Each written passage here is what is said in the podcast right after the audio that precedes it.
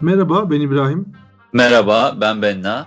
Ornithoreng'in yeni bölümüne hoş geldiniz. Herkese mutlu salılar diliyorum. Ee, bu haftaya bir fıkrayla başlayalım istedik. Ee, hoca bir gün camiye gider, işte vaaz verecek cemaate, konudan bahseder ve bu konuyu biliyor musunuz diye sorar. Cemaat bilmiyoruz der. Hoca der ki ya bilmeyen adama ben ne anlatacağım? Kalkar gider. Sonra ertesi hafta yine gelir camiye. Bu sefer yine aynı şeyi soracak. Bu konu hakkında bilgisi olan var mı diye sorar. Cemaat de bu uyanık. Lan geçen hafta bilmiyoruz dedik. Hoca anlatmadı. Biliyoruz diyelim. Hani hoca anlatır. Biliyoruz diyorlar. Hoca da e zaten biliyorsanız niye anlatayım diyor bu sefer gidiyor. Bir sonraki hafta oluyor bu sefer cemaat iyice tabii dinleyecek kafaya koymuş ve kararlı. Kesin dinleyecek o vaazı. Birisi bir kısmı biliyoruz diyecek bir kısmı da bilmiyoruz diyecek. Hoca çıkıyor kürsüye e, soruyor konuyu biliyor musunuz? Cemaatin bir kısmı bilmiyoruz ve bir kısmı biliyoruz de iyi o zaman diyor. Bilenler bilmeyenlere anlatsın diyor. E, cemaat e, hocanın anlatacaklarını da öğrenemeden aslında camiden çıkmış oluyor. Hocam E, galiba anlatacağı pek de bir şey yokmuş. belki de öyle. E, belki de hoca anlatmak istemiyor ya da e, bugün bizim üzerinde konuşacağımız konuya da belki biraz değinmek istemiştir hoca. Öğrenme nedir? Kişinin davranışlarında veya düşünce şeklinde kalıcı olarak ortaya çıkan değişiklik haline deniyor. Ee, bir Hı hı. örnekle açıklayacak olursam bunu belki bir davranış olarak bir de düşünce hali olarak iki farklı örnekle açıklayayım. Ee, bisiklet kullanamıyor olmaktan bisiklet kullanabiliyor olma haline geçiş bisiklet kullanmayı öğrenmek demek oluyor. Düşünsel olarak da bir matematik problemini çözemiyor olmaktan çözebiliyor haline haline geçiş. Orada da matematiği öğrenme, matematiğin o kısmını öğrenmek olarak tanımlayabiliriz. Attitude kelimesi hem fiziksel durumu hem de zihinsel durumu kapsıyor. Türkçe'ye çevirirken fiziksel ve zihinsel olarak ayırmak istedim. Oradaki davranışlarda kalıcı olarak değişiklik varsa öğrenme olmuştur. Yani E, o zaman şöyle bir yorumda ge- bulunabilirim. Yani bir şeyi öğrendiğimiz zaman bunun bizim hayatımızda e, zihinsel ya da fiziksel bir değişikliğe yol açması lazım. Doğru mu? Yani ancak bu zaman öğrenmiş olabiliyoruz. Evet evet evet kesinlikle ancak bu zaman öğrenmiş oluyoruz. Yani sen e, sürekli dolandırılıyorsan ve hala dolandırılmaya devam ediyorsan dolandırılmaman gerektiğini öğrenmemişsin demektir. Dersini yeteri kadar almamışsın demektir. Veya işte elini sobaya vurdun, elin yandı gene vuruyorsan öğrenmemişsin bunu demektir. E, veya işte okulda hocan sana kimyadan bir şeyler anlattı, hala soruyu çözemiyorsan o konuyu öğrenmemişsin demektir. Ancak davranışında, davranışı hem fiziksel hem zihinsel olarak kapsayıcı bir şekilde kullanıyorum. Davranıştaki kalıcı etkilere öğrenme diyebiliriz. Şimdi buradaki biz öğrenme bilgisini şöyle tanımladık. Fiziksel ya da zihinsel olarak bir değişikliğe yol açması gerekiyor. Yani bizim mantıkta bildiğimiz ancak ve ancak önermesiyle gerçekleşiyor. Evet, yani evet, evet, evet. ancak bir değişiklik oluyorsa öğrenme oluyordur diyoruz. O zaman benim aklıma şöyle bir soru takılıyor. Mesela akşam haberleri açtım ben. Hı hı. Oradan bir şeyler öğreniyorum diyorum. Bu cümle yanlış mı? Çünkü Yok, haberler hiçbir şey değiştirmiyor neredeyse. Şöyle senin e, fiziksel olarak yaşantında pek bir şey değiştirmese de o konuya bakışında veya o konudaki bilgi birikiminde bir şeyler değiştiriyor. Şimdi genel kültür dediğimiz bir kavram var. Belki ona birazcık atıf yapabiliriz burada. E, İlla ki e, o herhangi bir bilgiyi öğrendiğinde kalkıp hayatın anlamını bulman, hayatın değiştirmesini beklememek lazım. E, Bursa'da bilmem ne trafik kazası olmuş. Uyduruyorum. Böyle bir bilgi aldın. Bu aslında bunu öğrenme gibi değil de bilgi alma gibi belki düşünebiliriz. Çünkü uyduruyorum şu an burada haberi. Bursa'da bir kaza haberini aslında öğrenmiş olmazsın. O öğrenmeyi belki yanlış anlamda kullanır, yanlış kelime anlamıyla kullanıyor olabilirsin. akşam haberlerini dinlemek ya da işte maç skorlarını öğrenmek diye kullandığımız cümle kalıplarında bu öğrenmek değil aslında. Ağda yerleşmiş aslında. Tam keskin bir ayrım var diyemem ama evet dediğin daha e, akla yatkın görünüyor. E, orada bir bilgi alma, haberdar olma durumu var. Öğrenme konusunda da şöyle bir katkısı var. Fenerbahçe Beşiktaş maçının skorunu öğrendiysen eğer o konudaki düşüncende bir değişiklik olmuştur. Düşüncenden düşüncendeki değişiklikten şunu kastediyorum. Beşiktaş maçında sen Fenerbahçe'nin kazanacağını düşünüyordun. Beşiktaş kazandı. Orada bir bilgi değişikliği oldu. Fenerbahçe'nin kazanacağını düşünüyordun. Fenerbahçe kazandı. Artık eminsin Fenerbahçe'nin kazandığından. Orada da bir yine zihinsel ortamda yani fikri ortamda, deneysel ortamda değil, fikri ortamda bir değişiklik söz konusu. Yani çok keskin böyle kalın sınırlarla ayrılıyor diyemem ama bir değişim olması gerekiyor öğrenme kelimesini doğru anlamıyla kullanabilmek için. Peki ruhsal değişimler bununla sayılır mı? Yani işte Fenerbahçe Beşiktaş maçında ben Beşiktaşlıyım. Beşiktaş kazandı. Bunu da öğrendim ve mutlu oldum. Bu mutluluk yani ruh halindeki bu değişim öğrenme sayılır mı sence? Bence sayılmaz çünkü tekrar edilebilir değil. Yani sen hayatın boyunca Fenerbahçe Beşiktaş maçının o günkü skorunu hatırlayıp hayatın boyunca aynı mutluluk seviyesine erişemeyeceğin için e, burada bir öğrenme söz konusu değil de bir bilgi alma söz konusu. Yani dışarıdan aldığın her bilgi, her etki o aldığın etkiyi öğrenmiş olduğun anlamına gelmiyor. Ancak ve ancak bir şeylerin değişebilmiyor olması gerekir öğrenme için. Ee, sen şimdi konuşmanın arasında ikinci bir koşul daha ekledin oraya. Ona ben dikkat çekmek istiyorum. Ee, bunun tekrar edilebilir, belli bir metodu uyguladığında benzer sonuçları alınabilir olması gerekiyor aynı zamanda evet, da öğrenme. Bu da ancak ve ancak koşullarından birisi olabilir. Bu arada bu e, öğrenme felsefelerinde farklı akımlar var. İşte bilişsel akım, davranışçı akım, yapılandırıcı akım. Bu üçününden bu üç akımdan herhangi birini e, tamamen benimsersen mesela zihinsel değişimi göz ardı edebilirsin davranışçı öğrenme akımını kabul ediyorsan. Benim nacizane yapmaya çalıştığım aslında üçünü de böyle bir çatı gibi kapsayacak bir şey yapmaya çalışıyorum. O yüzden de biraz bazı noktaları eksik kalıyor olabilir. Halbuki davranışsal öğrenme nasıl gerçekleşiyor desek çok daha net. Bilişsel öğrenme nasıl gerçekleşiyor desek çok daha net. Yapılandırıcı, yapılandırmacı öğrenme nasıl gerçekleşiyor desek o biraz daha flu ama yine genel o çatı kavramından daha net e, tanımlar yapabiliriz. Ee, o zaman şimdi antik Yunan'a doğru gidelim. Aslında bizim bugünkü sahip olduğumuz bilginin, bilimin e, adına ne dersek bütün bu teknolojinin en temel kaynak noktalarından bir tanesi antik Yunan ve eski Mısır diyebiliriz. Biz şimdi antik Yunan'a gidiyoruz. Yani gitmek gerekiyor çünkü orada Platon, Sokrat, Aristo gibi böyle büyük abilerimiz var. E, onlar bir şekilde yani her alana e, dokunmuş durumdalar. Bu öğrenme konusunda da çok güzel teorileri var. Öğrenme konuşurken onları es geçmek çok ayıp olur yani. Ee, ilk sorular biz bilgi nasıl ediniyoruz, nasıl öğreniyoruz? Bu hale yani daha çok geometri özelinde e, gidiyor orada bilgi edinme süreci Antik Yunan'da ve Mısır'da. E, fizik, kimya gibi bilimler biraz daha sonrasında tarihsel akış olarak daha sonrasında ortaya çıkan şeyler. Biz bu bilgileri nasıl biliyoruz, nasıl öğreniyoruz sorusu sorulmaya başlandığında Platon önderliğinde şöyle bir akım çıkıyor. Bu bilgiler zaten bizde var. Biz bunu sadece açığa çıkarıyoruz. Yani evrenin bilgisi biz doğduğumuz andan itibaren hepimizin aklında yazılı. Ve Sokratik metot dediğimiz e, bir metot da icat ediliyor. Ve Sokrat bunu bir deneyle de e, kanıtlıyor aslında böyle bir bilginin olduğunu. Bir köle çocuğu alıyor ve o köle çocuğuna sadece soru sorarak, sadece soru, hiçbir şey anlatmadan sadece soru sorarak o köle çocuğunu geometride epey bilgili bir hale getiriyor. Ve diyor ki bir köle çocuğu bile ben ona sadece soru sorarak ve o soruya çocuk kendi bilgisiyle burada kendi bilgisinin altını çizmek istiyorum. Çünkü bir köle çocuğu olması onun varsayılan olarak bilgisiz olduğu anlamına geliyor. O çocuğa sadece soru sorarak iyi bir geometrisi, iyi bir geometri bilicisi haline getiriyor. Ee, ve buna dayanarak da diyor ki bak bu çocuk hani hiçbir şey bilmiyordu. Bunun zaten içinde var. Ben sadece soru sorarak bunu ortaya çıkarttım. Ve bu soru sorarak öğretme metoduna da Sokratik metot diye e, isim veriyoruz. E şimdi Sokrat konusunda Sokrat'ın en temel metodu odur zaten. Tamamen sorularla e, ve sana cevaplar verdirerek e, bir diyalektik içerisine sokup aslında konuyu anlatır. E, çoğu zaman da kendisi bilgi vermek yerine bilgiyi sana söyletir. Çünkü onun bakış açısına göre sen zaten bütün bilgiye sahipsin. Evet. o yüzden onu dışarı çıkartman gerekir sadece. Tek yapman gereken odur. Doğru. dolayısıyla zaten işte Platon diyaloglarda da bundan çok bunun örneğini çok net görüyoruz böyle hani acı şekilde görüyoruz öyle diyeyim biraz daha e, durumu büyütmek için. E, okuyorsunuz mesela kitabı başladığınız bir yere bir o fikre kapılıyorsunuz bir bu fikre kapılıyorsunuz bir oradaki birisinin dediğine kapılıyorsunuz ama sonuçta evet Sokrat'ın dediğine geliyorsunuz ama siz geliyorsunuz. Ee, Sokrat sizi alıp getirmiyor. Onun yöntemi zaten bu. Bu yüzden de zaten çok fazla ona karşı çıkılamıyor. Bu yüzden de öldürülüyor zaten. Yani terörist ilan edilip.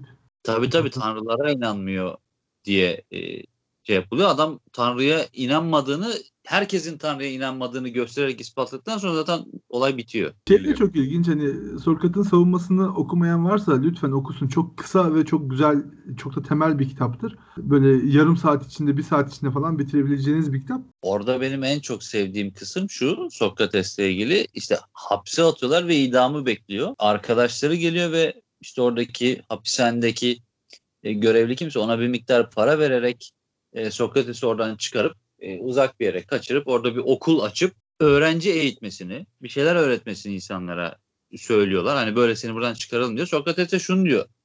Beni buradan bu yolda çıkartacaksınız ve bir yere götüreceksiniz diyor. Orada ben insanlara şunu anlatacağım diyor. İşte para vererek, e, rüşvet vererek kendi işinizi yap. Bunu mu anlatacağım diyor. Bu nasıl olacak diyor ve çıkmıyor oradan aslında. Evet. Ee, buradan da şuraya getirelim konuyu. Şimdi biz şey, karısıyla olan muhabbetin de bir özet geçin. Karısı çok üzülüyor işte idam kararı verildiğinde. Ağlıyor, yakılıyor, yakılıyor. Seni haksız yere asacaklar diyor. O da diyor ki haklı yere assalardı daha mı iyiydi? Biz şimdi her şeyi okulda öğreniyoruz abi. Öyle mi? Doğru mu sence bu? Hayır tabii ki yanlış. Yani gerçi burada biraz eğitim ve öğretim kavramlarına mı gelmek istiyorsun tam anlayamadım ama her şeyi okulda öğrenmiyoruz. Hayır hatta okulda epey az bir şey öğreniyoruz bile diyebilirim. Ya ironi yapmaya çalıştım aslında çünkü geriye çok gittik. Biraz modern çağa gelelim. Hani modern çağda ebeveynlerin bakış açısı şu aslında daha çok. Hani bir öğretmen var. O her şeyi öğretiyor. Okula gidemiyorsa işte bir özel öğretmen eve getiriyor ve böyle bir bilgi yüklemesi hali. İşte çocuk oyun oynamayı bile dışarıda birilerinden öğreniyor. Aslında memeli canlıların en temel öğrenme metodu. Bunu biliyoruz biz. Oyun oynamak. Evet. Ama bunu bile dışarıdan öğreniyor ve eline bir tablet tutuyorlar. Orada kendi kendine bir şeyler öğrenmeye çalışıyor gibi bir durum var. Aslında burada bir aslında eşit yapmayız. Her şeyi okulda mı öğreniyoruz? Yani okuldan kasıt burada bir öğreticiyle mi öğreniyoruz biz her şeyi? Aslında burada modern çağa gelmeden önce arada uğramamız gereken bir durak daha var. Orta Çağ Avrupası. Çünkü bu senin anlattığın durum bir sonuç aslında. Bunun sebebine bakmak gerekiyor. Bunun sebebi de e, bence e, John Locke ve David Hume'un biraz önderliğinde giden Sokrat'ın ve Platon'un teorisine tamamen zıt bir şekilde görüş belirten e, insanlar çevrelerinden öğrenir yaklaşım. İşte bahsetmiştik Sokrat'ın e, metoduna, Platon'un metoduna göre yaklaşımına göre pardon bilgi bizim içimizde saklıdır ve biz bunu sadece açığa çıkartmakla e, mükellefizdir. Sadece bunu yaparız. E, John Locke'un e, teorisinde tabula rasa teorisi deniyor ve diyor ki insanlar e, ve hayvanlar doğaya hiçbir bilgisi olmadan beyaz bir kağıt olarak doğarlar ve sadece çevrelerindeki etkiler sayesinde bir şeyi öğrenirler. Bu e, öğrenmeyi yine hem zihinsel hem deneysel yani e, dış etkenlere bağlı ve zihnin içinde olan öğrenme olarak şey bir çatı anlamında kullanabiliriz. Her şeyi de dışarıdan aldığımız için o zaman biz bu dışarıdaki etmenleri regüle edelim, kontrol edelim. Yani biz madem her şeyi dış etkenlerle öğreniyoruz, bu dış etkenleri kontrol etmek adına çocukları belli yerlerde toplayalım. Doğru dış etkenler verelim ve bu dış etkenlerin doğru ve yapısal bir şekilde verildiği yerin adına da okul diyelim gibi bir yaklaşım çıkıyor. Tabii ki bunun başka e, dönemsel e, sebepleri de var. Sanayi devrimiyle beraber hem annenin hem babanın artık fabrikalarda çalışabiliyor hale gelmesi çocuğun gündüz vakti gönderilmesi gereken bir yer ihtiyacı doğuruyor. Bu iki e, yaklaşım böyle aynı yaklaşık olarak aynı zaman diliminde ortaya çıktığı için bugün hala devam eden 300-400 yıldır aynı haliyle devam eden, neredeyse aynı haliyle devam eden okul dediğimiz kavram ortaya çıkıyor.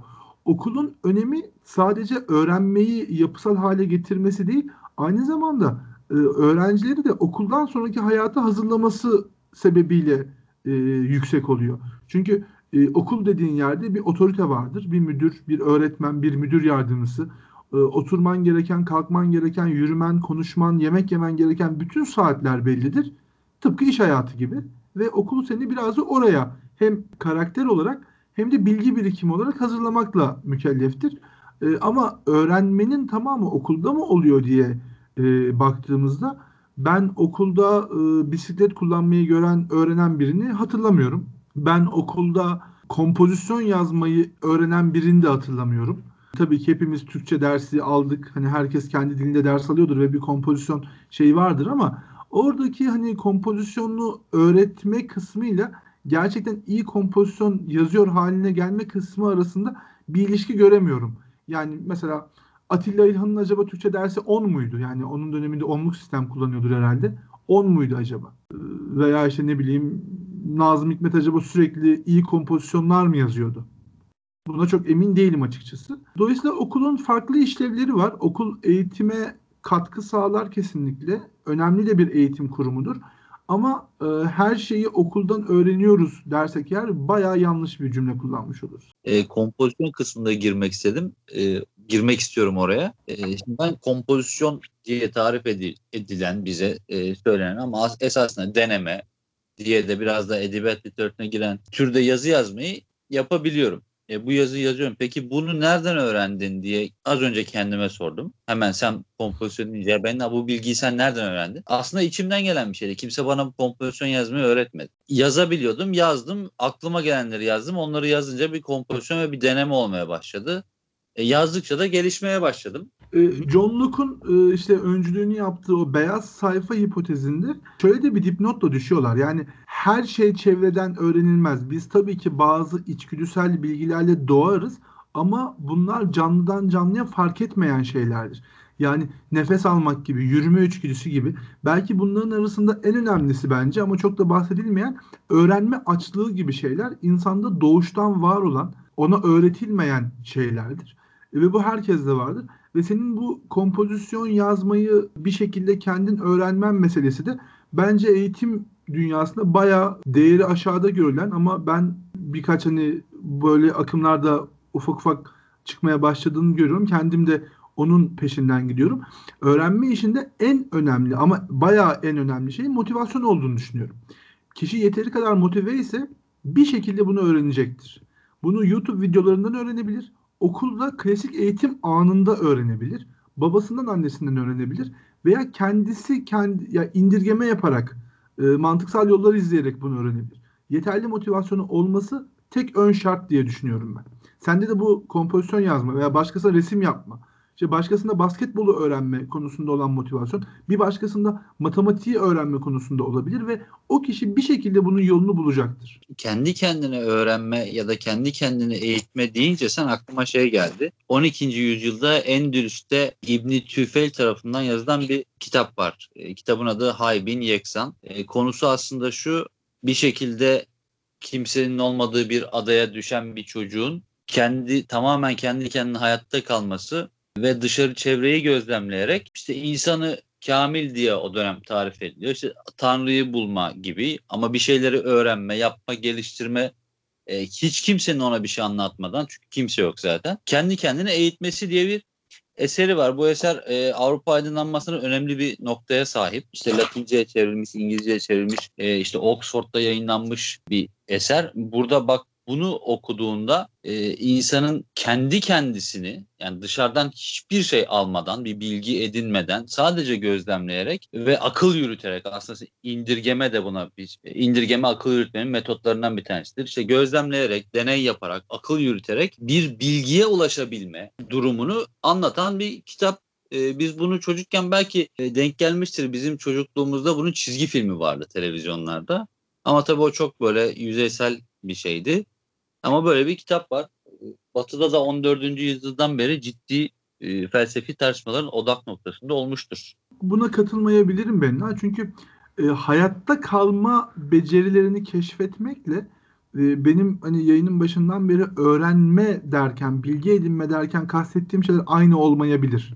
Biraz hayvani içgüdülerle insani içgüdüleri ayırmak gerektiğini düşünüyorum öğrenme konusunu konuşurken buradaki şey değil. E, hayatta kalma teorisi üzerine bir e, eser değil bu. Kamil insan olma yani eğitimli, görgülü. Bu kamil insanlar ne anlarız? İşte e, belli bir eğitimli, görgüsü bir şeyleri bilen olmuş insan. Bunu kend, insanın kendi kendine de olabileceğini anlatıyor aslında. Bu hayatta kalmak üzerine bir eser değil. Anladım. Yani e, evet hani bir hikaye olduğu için tabii ki güzel alınacak noktaları vardır eminim ama ben e, bu deneyi gerçekten yapsak herhangi bir insanın yani adada tek başına büyüyen bir insanın o adadan alındığında topluma uyum sağlayamayacağını düşünüyorum. Yani kamil insan olmaktan kamil insandan kastım tabii ki topluma uyum sağlamak değil ama o odadan çıktığında bildiği tek şeyin hayatta kalma içgüdüleri olacağını düşünüyorum. Ee, ben biraz farklıyım bu konuda çünkü sonuçta insan hepimiz ortak atadan geliyorsak eğer bir veya birkaç ortak atadan e, hepimiz bir adalarda doğuyan adaların e, adamların, kadınların torunlarıyız. E, bugüne Ama, kadar geldik. Şimdi biraz bu öğrenme teorilerine girelim istersen. E, social learning, e, sosyal öğrenme teorisi diye bir teori var. Yakın yani bu e, 20. yüzyılda ortaya çıkan bir teori ve insanların bir arada bulunmakla öğrenme eylemi arasında çok büyük bir ilişki olduğunu gösteriyor. Dedikodu. Türkçesi bunun bu. Dedikodu yani tabii ki bunu e, açıklıyor. Mesela benim aklıma o arkadaşla alakalı adada tek başına doğan ve orada büyüyen arkadaşla alakalı şöyle bir soru geldi aklıma. Acaba e, hangi dilde düşünüyor? Nasıl düşünüyor? Ya, tabii dilini bilmiyorum. Ee, bana ben Türkçe'ye çevrilmişini okudum. Benim için Türkçe konuşuyordu yani düşünüyorum. Peki dil olmadan düşünebilir miyiz acaba? Gerek var mı? Bana var gibi geliyor. Yani çok net konuşamayacağım bu konuda ama. Bir arkadaşımla oturduk saatlerce konuştuk. Düşüncenin dili var mıdır? En sonunda vardığımız nokta şimdi tam yolu hatırlamıyorum nasıl bir yoldan gittik ama vardığımız noktada düşüncenin bir dilinin olmaması gerektiğine varmıştı. Belki senle de bunun üzerine bir program yapabiliriz. Yani bunu evet daha sonra uzun uzun konuşalım. Ben e, sanırım aynı tarafta olmayabilirim sizinle. O zaman harika bir program konusu açmış olduk burada herkesin içinde. Öğrenme konusunun modern yansımalarına gel, gelelim istersen. Biraz dallanıp budaklandık ama. Şimdi bu öğrenme dediğimiz mevzunun farklı farklı felsefi yaklaşımlarla incelenmesi var tarih boyunca yine. Ee, modern çağda işte 19. 20. yüzyılda davranışsı, davranışçıl öğrenme, zihinsel, e, bilişsel daha doğru olabilir belki. Kognitivist diye geçiyor literatürde ama bilişsel diye çevrilir sanırım. Bir de yapılandırmacı öğrenme diye farklı farklı e, teoriler var. Üç ana başlık. Ve bu teorilerin altında her birinin kendi alt kırılımları var. Ve bunlar her biri öğrenmenin farklı farklı özelliklerine atıf yapıyorlar. Bu bize şunu söylüyor aslında. Her birini öğrenmek belki yoldan geçen bir insanın veya bu konuyla biraz ilgili bir insanın çok ilgisini çekmeyebilir. Çünkü herhangi bir konuda zaten böyle çok fazla alt başlık var. Ama bu kadar dallanıp budaklanması öğrenme konusunun bence bize şunu anlatıyor. Biz hala nasıl öğrendiğimizi tam olarak bilmiyoruz. Çünkü bilişsel teoriyle baktığında doğru olan bir tanım, yaklaşım, kavram e, davranışsal psikolojiye baktığında bambaşka e, yorumlanıp tamamen yanlış bir hale gelebiliyor. Sanırım Amerika'da bu çokça yaygın bazı eğitim fakülteleri e, psikoloji bölümünün alt tarı alt bölümü olarak psikoloji fakültelerinin diyeyim e, bölümlerinden biri olarak iş görüyorlar. Bizde kesin ve şey değişmez bir şekilde öğretmen olacaksan eğitim fakültesi okuyorsundur. Eğitim fakültesi dediğimiz şeyi psikoloji fakültesinde belki beşeri bilimler diye de geçiyor olabilir. Bir alt bölümü olarak görüyorlar. Yani insanın psikolojisiyle birebir ilişkili bir durum aslında öğrenme. E, dolayısıyla da bunun bir doğrusu, bir yolu yoktur. E, hem e, John Locke'un dediği gibi insan bembeyaz bir sayfa olarak gelir ve hiçbir şey bilmez. Platon dediği gibi de aslında her şey içimizdedir. Bizim sadece ortaya çıkartmamız gerekir diye e, adlandırdığı iki siyah ve beyaz gibi gözüken keskin teoriyi bir arada değerlendirmek daha doğru bir bakış gibi geliyor bana. Ben karar veremedim ya o tarafta. Sanki böyle birini seçsem daha iyi ama hangisini seçsem ondan da çok emin değilim. Ya birini seçmek gerekmiyor. Sadece bunların farkında olmak gerekiyor. Hatta 1980'li yıllarda 1990'larda taşan bir süreçte iki tane çok kıymetli akademisyen Clark Kozma tartışması adı altında birbirleriyle e, birkaç makale süren bir atışma serisine girmişlerdir. Birisi davranışsal, bir tanesi de e, bilişsel öğrenmeyi savunan kişiler.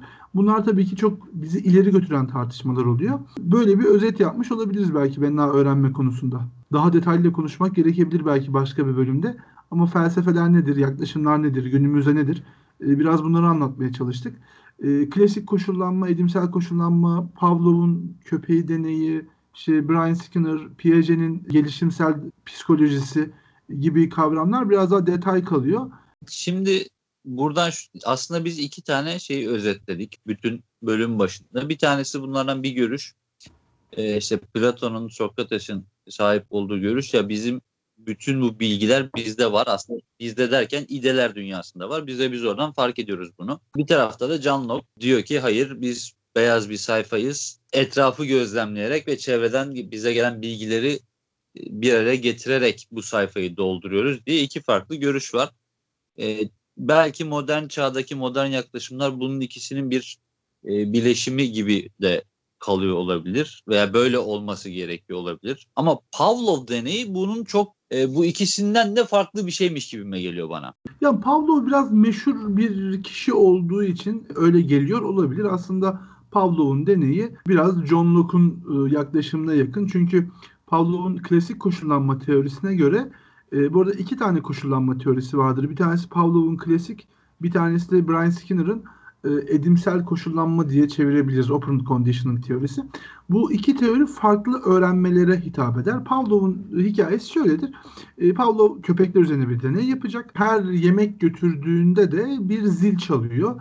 Sonra bir fark ediyor ki yemek gitmiyor olsa bile zil çaldığında köpekler salya salgılamaya başlıyorlar. Bu da onların yemeğe hazırlandıklarını gösteriyor. Dolayısıyla biz etkiyi, stimulusu yani e, bilgi öncesi verdiğimiz etkileri düzenlersek ortaya çıkan sonuçları da istediğimiz gibi manipüle edebiliyoruz. Yani bu okuldaki zil konusuna birazcık benziyor. Zil çaldığında otomatik olarak yerine oturuyorsun. Ders başlayacak gibi, öğrenme birazdan başlayacak gibi düşünüyorsun. E, ama öğrenme gerçekten başlamayacak olsa, hocan gelmeyecek olsa bile zil çaldığında koşa koşa gidip yerine oturuyorsun. Edimsel koşullanmanın bundan farkı ise kişiye sadece ödül değil, yani Pavlov'un durumunda olduğu gibi sadece bir etki değil, bu etkiyi ödül ve ceza olarak iki farklı yöntemle veriyor olması. Ödülü ve cezayı sadece cezalandırma olarak düşünmeyelim elinden sevdiği bir şeyi alma yöntemiyle ya da işte sevdiği bir şeyi, hoşuna giden bir durumu besleme yöntemiyle de öğrenmeyi tetikleyebiliyoruz. Bu iki teorinin temel farkı Pavlov'un teorisi birazcık daha refleksel şeyleri öğrenmemize yol açarken e, Skinner'ın teorisi biraz daha sosyal hayatta daha yüksek seviyeden bilgileri öğrenmemize olanak sağlıyor. Eğitimle öğretimi nasıl birbirine ayıracağız biz? Evet evet yani birbirleri yerine kullanılabilen kelimeler günlük hayat içerisinde tabii ki yani e, doğru kullanım bu değil. Kelimenin anlamları farklı şeyler ifade ediyor. Eğitim dediğimiz şey hayat boyu süren ve bir metodu olmayan, e, bir kanalı olmayan, olabilecek her yerden gelen bilgi akışını beyinde işte bir şekilde incelediğimiz ve bunu e, biliyor hale gelme durumumuz oluyor. Çocukken, çocuktan kastım 3-5 aylıkkenden 70 yaşında bir yetişkin olma sürecinin arasında hepsinde bir eğitim var. Ama öğretim dediğimizde girdisi belli olan, çıktısı belli olan, amaçları belli olan, daha yapısal hale getirilmiş ve bir otorite tarafından kontrol edilen öğrenme sürecine öğretim deriz. Okulların eğitim öğretim yuvası diye adlandırılmasının Türkiye'deki sebebi de biz sadece matematik öğretmiyoruz.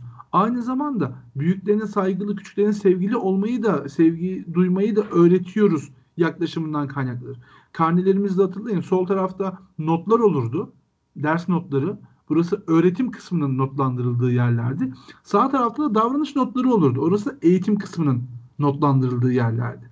Ama e, işte burada belki eğitim veren kişilerin, öğretmenlerin bu konuya yeteri kadar kafa yormamasından kaynaklı olarak öğretim notları gerçekten e, tırnak içinde adil bir şekilde verilirken yani sen matematik dersin iyiyse ve kötüyse bunu yansıtacak notlar alırken öğretim kısmında kendin eğitim kısmında e, hocayı hoca ile aran ne kadar iyiyse ona göre notlar alıyordu. Yani ya hepsi 5 oluyordu oranın ya hepsi 4 oluyordu.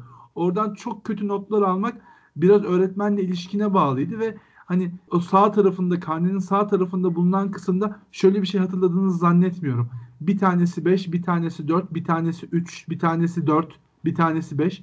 Ya hepsi 5'tir ya hepsi 4'tür o kısmın. Yeteri kadar önem verilmeyen bir kısım oluyor okul. Ama şimdi okulda tabii öğretimden kalabiliyorsun, başarısız olabiliyorsun ama eğitimden başarısız olma diye bir halin söz konusu değil. Yani kimse senin e, davranışlarına bir şey yapmıyor. E, seni bir sınavda ekstra puan vermiyor. Bu çocuk işte uslu öğrenciymiş, akıllı öğrenciymiş veya iyi davranıyormuş. Arkadaşlarına çocuklar çok paylaşımcı biriymiş diye. Bu da işte eğitim ve öğretimin farklı şeyler olduğunu gösteriyor aslında bize. E, tabii bu eğitim konusunu sadece insan olarak düşünmemek lazım. İşte bir köpek konusunda köpeği eğitebiliyoruz ama ona öğretemiyoruz aslında bir şey değil mi? Ben yanlış bilmiyorum bunu. Yani hayvan eğitimi, hayvan öğretimi konusunda çok bir şey söyleyemeyebilirim. Oradaki durum e, bir eğitim ve öğretim adlandırılabilir mi yoksa bir o koşullandırma mı var sadece? Köpek eğittim mi bilmiyorum ama köpeği eğitirken kullandığım bir silah vardır. Bu da yemektir. Dolayısıyla matematik de öğretebilirsin bir köpeğe ama köpek bunu matematik öğrenmek için öğrenmez. Köpek bunu yemek almak için öğrenir. Ama insanda aynı durum geçerli değildir çoğu zaman. O zaman burada öğrenmeye bir koşul daha ekledik değil mi? Yani işte matematik öğrenmek için öğrenmek. Yani bunun da farkında olması gerekir aslında. Böyle Pollyanna gibi bir tanım olmuş olabilir. Çok bu kadar da ümit var olmamak lazım insanlıktan bir yandan.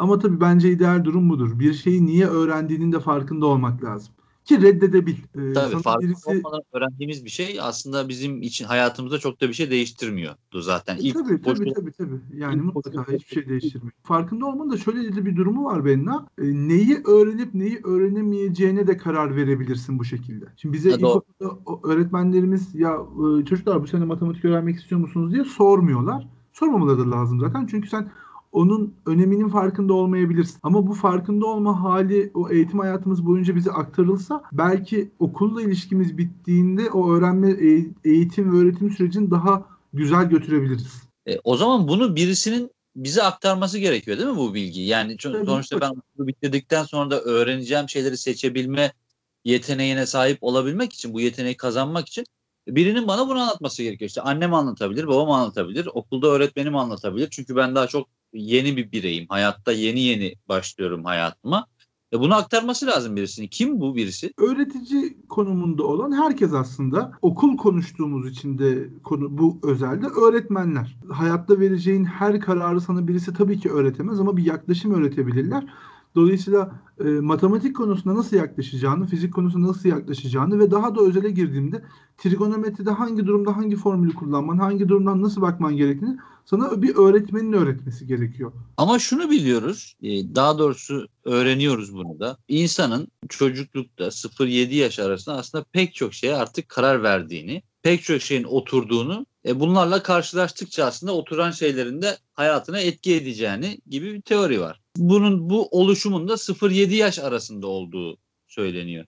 E şimdi biz okula... etkileri o yaşlarda alıyorsun dışarıdan. 7'de başlıyoruz ama okula. Çok geç değil mi sence? E, bence değil. Okul derken neyi kastettiğinle alakalı bir şey. Sen 2 yaşında bir insana da bir şeyler öğretebilirsin.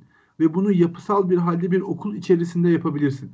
Okul dediğimiz yapı bizim gözümüzde böyle önlüklerle, formalarla gidilen, sabah andımız okunan, sırayla içeri girilen, zille içeri girilip dışarı çıkılan bir yapı olduğu için 7 yaş fena bir yaş değil. Evet 60 ay, 72 ay Hani böyle sınırlar var literatürde.